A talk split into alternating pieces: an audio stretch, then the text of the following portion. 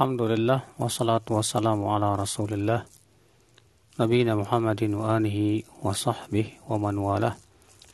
Asyhadu an la ilaha illallah wahdahu la syarikalah wa asyhadu anna Muhammadan abduhu wa rasuluh. Amma ba'd ayyuhal ikhwah, saudaraku seiman. Kita melanjutkan kajian Al-Fiqhul Muyassar. Kemudian kita masuk kepada al-mas'alatu tsaniyah, masalah yang kedua. Al-ma' alladhi tahsulu bihi taharah. Air yang boleh dijadikan untuk bersuci. Kata beliau, at-taharatu tahtaju ila syai'in yatatahhar bihi. Bersuci itu butuh kepada sesuatu untuk bersuci. Yuzaru bihi najas wa yarfa'u bihi al-hadath wa huwa al-ma' dengan sesuatu itu najis bisa dihilangkan dan hadas bisa diangkat. Apa sesuatu itu yaitu air. Ya. Jadi air itulah yang yang apa namanya digunakan untuk bersuci. Ya, menghilangkan najis dan mengangkat hadas. Wal ma'u alladhi tahsulu bihi at-taharatu wal ma'u tahur dan air yang bisa digunakan untuk bersuci adalah ya yaitu al-ma'ut tahur air yang tahur. Apa sih air tahur itu? Wa huwa tahir fi dzati al-mutahhir li ghairihi. Itu yang suci airnya dan mensucikan yang lainnya. Dan tentunya saudaraku ya pada asalnya air itu tahur suci dan mensucikan. Wahwal baqi ala asli khilqatihi ay ala sifatihi allati khuliqa alaiha. Yaitu, ya kata beliau, yang masih ada pada penciptaan pada apa namanya asal penciptaannya artinya masih ya belum di belum berubah kepada apa pun masih murni airnya Artinya ia sesuai dengan sifat yang Allah ciptakan ya di atasnya. Nah, ini disebut dengan al-ma'ut tahur. Itu air yang suci dan mensucikan. Sawa'un kana nazilan minas sama. Baik itu ya turunnya dari langit seperti hujan, ya seperti salju, ya seperti embun. Aujarian fil ardi atau mengalir di bumi seperti air sungai, mata air, sumur, demikian pula laut. Itu semua adalah air-air yang tahur, ya air-air yang suci dan mensucikan. Liqaulihi ta'ala ini, ini berdasarkan firman Allah Subhanahu wa taala Surat Al-Anfal ayat 11 wa yunazzilu 'alaikum minas sama'i ma'an liyutahhirakum bih. Dan Allah menurunkan kepada kalian dari langit itu air agar agar mensucikan kalian. Allah juga berfirman dalam surat Al-Furqan ayat 48, "Wa anzalna minas sama'i ma'an tahura." Dan kami telah menurunkan dari langit air yang mensucikan. Itu air hujan yang tahur, yang suci dan mensucikan. Dan Nabi Shallallahu Alaihi Wasallam berdoa di dalam doa istiftah Allah maksilni min khatayaya bil ma'i wasalji wal barad. Ya Allah, cucilah aku dari dosa-dosaku dengan air, salju, dan embun.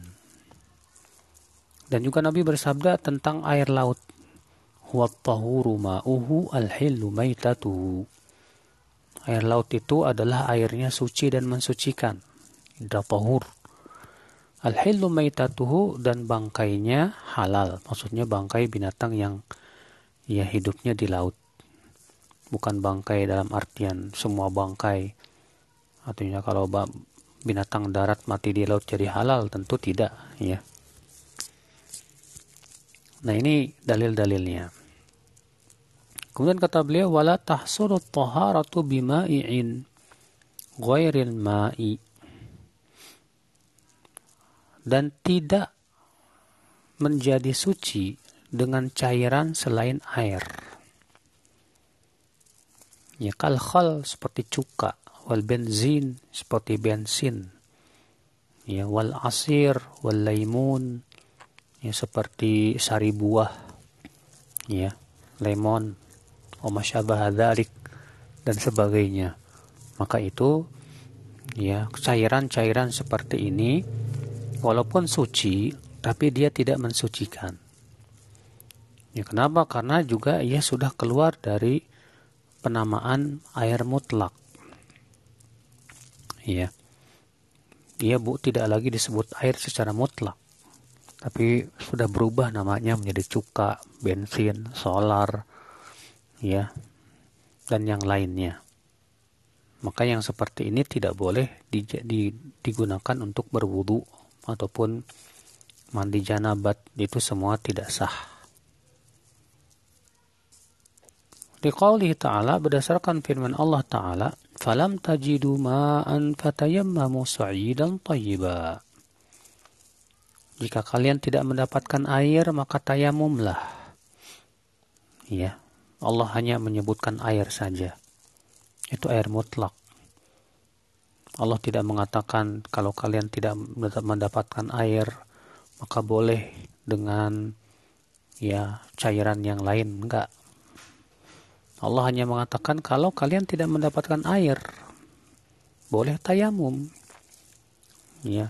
Bagaimana kalau misalnya ada apa namanya uh, sari buah ya air buah yang biasa kita minum bolehkah itu untuk berwudu? Jawab tidak boleh. Atau air kelapa apakah boleh kita gunakan berwudu? Jawab tidak boleh. Ya karena ia sudah keluar dari penamaan air secara mutlak. Maka pada waktu itu saudaraku sekalian, yang boleh dijadikan untuk berwudu hanyalah air, ya air secara mutlak.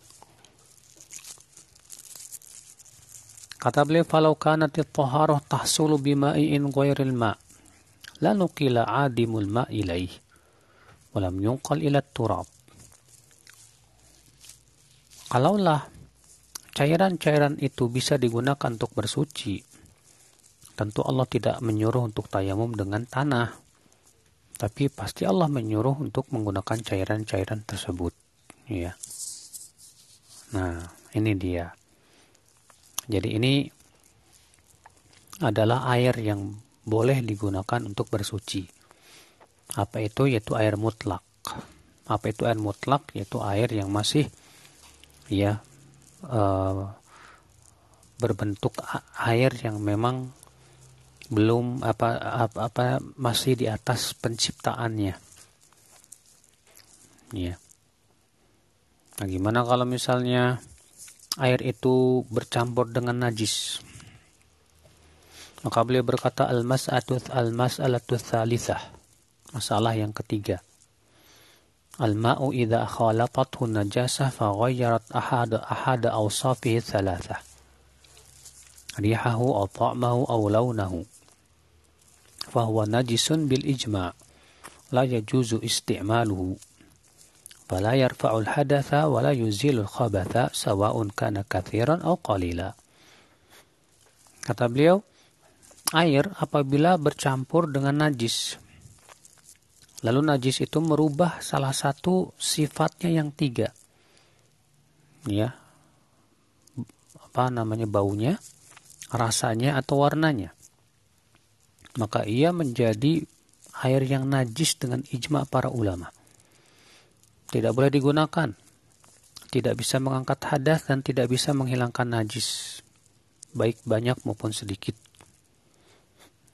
Ya. Amma in khalatathu najasah walam tughayyir ahada awsafihi. Adapun kalau air itu tercampur najis dan tidak berubah ya salah satu dari tiga tadi. Kana kathiran lam yanjus wa tahsulu bihi taharah. Kalau ternyata air itu banyak melebihi dua kula maka dia tidak menjadi najis dan boleh digunakan untuk bersuci. Wa amma in kana qalilan fayanjus wala tahsulu taharatu bihi. Adapun kalau airnya itu sedikit ya maka ia menjadi najis dan tidak boleh digunakan untuk bersuci. Itu yang dirojihkan oleh penulis buku ini. Jadi penulis buku ini membedakan antara air yang banyak dengan air sedikit. Ya. Kapan sih disebut tadi air-air yang banyak? Kata beliau wahaddul ma'il kathir ma balagha qullatain fa akthar. Wal qalil ma duna dhalik. Disebut air banyak kalau sampai dua kulah lebih. Ya, adapun air sedikit maka kurang dari dua kulah. Ya. Dua kulah itu berapa liter? Sekitar 200 liter. Ya. Ada yang mengatakan uh, 160 liter. Ya, tapi yang paling yang paling banyak yang paling masyur tuh hampir sekitar 200 liter. Itu dua kulah. Nah, jadi kalau misalnya kena najis nih, dan airnya ya lebih dari dua kulah. Karena kan disebutkan dalam hadis Nabi SAW, Idza balaghal ma'u qullatain lam yahmil khabath. Apabila air telah sampai dua kulah, maka dia tidak akan membawa apa? Najis. Nah, bagaimana kalau misalnya airnya lebih dari dua kulah? Ya, lalu kena najis dan ternyata berubah warnanya, baunya dan rasanya. Tuh, karena najisnya juga cukup cukup banyak misalnya. Jadi najis nggak? Najis dengan ijma para ulama. Iya. Kalau misalnya kolam renang, kolam renang kan banyak banget tuh airnya tuh. Yang ini yang ini berenang kencing di situ, yang ini berenang kencing di sini. Akhirnya apa? Kolam renangnya bau hangser itu nggak bau hangser, bau kencing. Jadi najis nggak? Iya. Maka itu menjadi najis. Walaupun lebih dari dua kulah, iya. Ya, ini dengan kesepakatan ulama. Nah, yang menjadi yang, yang menjadi ikhtilaf ulama adalah kalau kurang dari dua kulah, lalu kena najis. Ya. Bagaimana ini? Kalau misalnya tidak berubah rasanya, baunya, dan warnanya. Kalau berubah rasanya, baunya, dan warnanya sih semua ulama sepakat ya. Itu najis. Masalahnya ini tidak berubah rasanya, tidak berubah baunya, tidak berubah ya apa namanya warnanya. Cuma masalahnya airnya kurang dari dua kula. Jadi najis apa enggak nih? Khilaf para ulama. Sebagian ulama mengatakan jadi najis. Kenapa? Kata mereka. Karena Nabi mengatakan apabila air telah sampai dua kula, dia tidak akan membawa najis. Berarti kebalikan hadis itu apa? Kalau air itu kurang dua kula, masih membawa najis. Ya. Maka kita katakan, itu kan pemahaman kebalikan Ya. Lalu bagaimana dengan hadis al-ma'u tahurun la yunajjisu syai'un? Air itu pada asalnya suci dan mensucikan. Tidak tidak dinajiskan oleh apa pun. Itu kan hadis menunjukkan teksnya pada asalnya air itu suci. Sementara ya kamu mengatakan kalau kurang dua kulah lalu kena najis dan tidak ber, tidak berubah warnanya, baunya dan rasanya jadi najis. Padahal yang namanya air apabila tidak tidak berubah rasanya, baunya dan warnanya, bukankah itu adalah pada asalnya suci? Kata mereka, tapi ini pemahaman kebalikan hadis tersebut. Kita katakan, tapi ini ya konteks hadis yang lain Masalahnya bertabrakan pemahaman kebalikan dengan konteks hadis dan kaidah usul mengatakan apabila bertabrakan antara pemahaman kebalikan dengan konteks maka didahulukan konteks. Sementara konteks hadis mengatakan air itu suci pada asalnya. Makanya pendapat yang paling kuat dalam hal ini bahwa air kalau kurang dari dua kulah lalu terkena najis maka tidak menjadi najis, tetap suci dan mensucikan. Bayangkan, akhi, kalau dua kula itu misalnya 160 liter, lalu ya berku, apa kurang dari dua kula misalnya 150 liter, lalu kena air kencing se sejempol. Dan tidak merubah sama sekali, ya.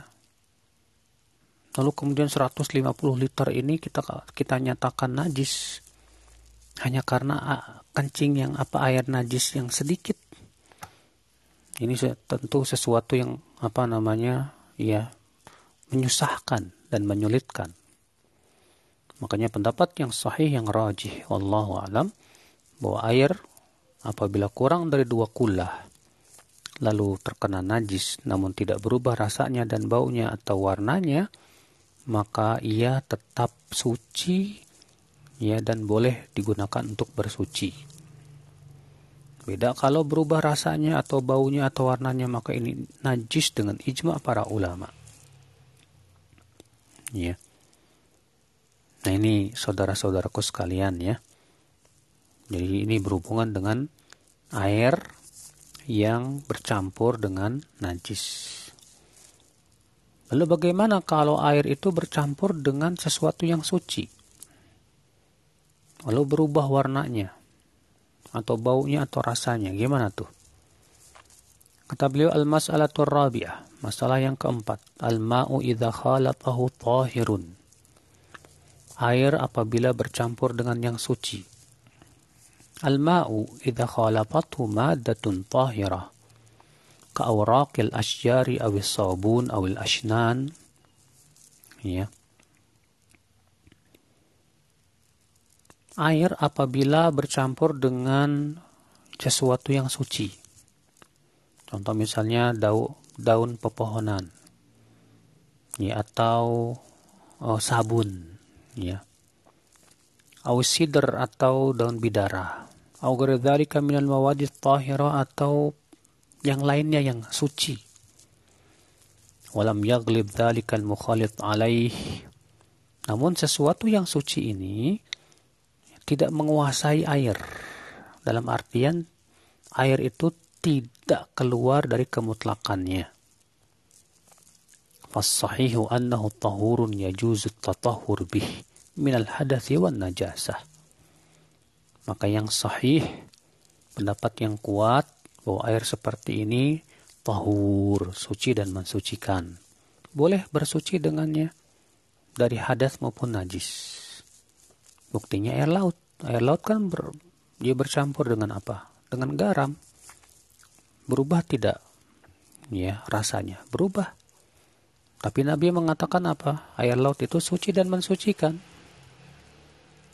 Demikian pula semua yang apa namanya uh, bercampur dengan sesuatu yang suci dan tidak mengeluarkan ayat tersebut dari uh, penciptaannya yang asli ya dari kemutlakannya tidak mengeluarkan dari kemutlakannya maka pada waktu itu saudaraku sekalian, ia tetap suci dan mensucikan.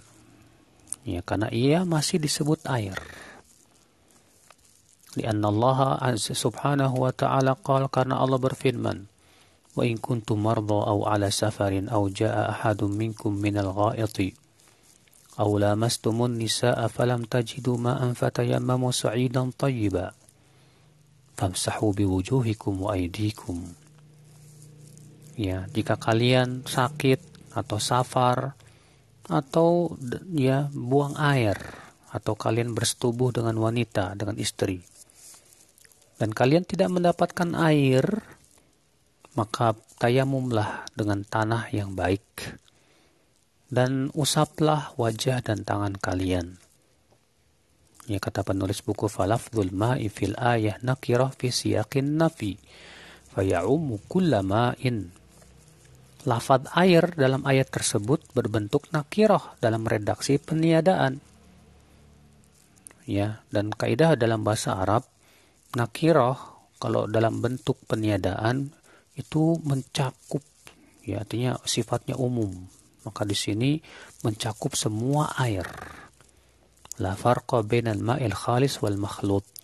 Tidak ada bedanya antara air yang murni ataupun air yang bercampur dengan sesuatu yang suci ya Wali Qali SAW juga berdasarkan dalil bahwa Nabi SAW bersabda kepada para wanita yang menyelenggarakan jenazah anak wanitanya. Nabi bersabda iksilna thalathan au khamsan au akthar min dhalik in ra'aitunna bima'in wasidrin waja'alna fil akhirati kafura au syai'an min kafur. Mandikanlah ya tiga kali atau lima kali atau lebih dari itu dengan air dan daun bidara dan jadikan pada uh, cucian yang terakhir dicampur dengan kafur. Ya. Lihat Nabi SAW menyuruh untuk memandikan dengan air yang dicampur daun bidara. Lalu yang terakhir dengan kafur. Berarti bercampur dengan sesuatu yang suci tidak bercampur. Namun Nabi SAW tetap ia menyuruh untuk uh, memandikan jenazah apa anaknya dengan air-air seperti itu.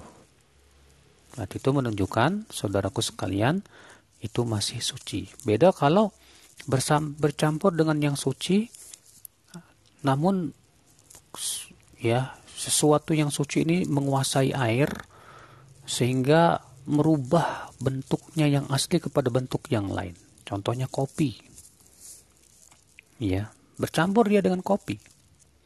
Akhirnya ya karena saking banyaknya kopinya dan sudah tidak lagi disebut air secara mutlak maka disebutnya kopi atau teh. Itu kan bercampur dengan yang suci. Tapi masalahnya sudah tidak disebut air lagi secara mutlak tapi disebutnya teh. Ya maka pada waktu itu seperti ini tidak bisa dijadikan apa tidak bisa dijadikan alat untuk bersuci. Ya. Nah, demikian semoga yang saya sampaikan paham ya. Jadi ini kita mengenal air. Karena mengenal air ini penting sekali karena ia adalah alat untuk bersuci, baik berwudu maupun mandi. Demikian. Nah. Ya, jadi air ya, ada air yang pada asalnya air itu suci dan mensucikan dan ini yang boleh untuk berwudu ya bersuci. Ada lagi air yang najis, yaitu air yang bercampur dengan najis sehingga berubah rasanya atau baunya ataupun warnanya. Ada lagi air yang bercampur dengan sesuatu yang suci. Apabila tidak mencabut kemutlakannya maka tetap suci dan mensucikan. Tapi kalau ia mencabut kemutlakannya sehingga menjadi nama lain seperti teh atau kopi, ya maka ia tidak tidak boleh digunakan untuk bersuci. Nah, demikian wabillahi taufik. Assalamualaikum warahmatullahi wabarakatuh.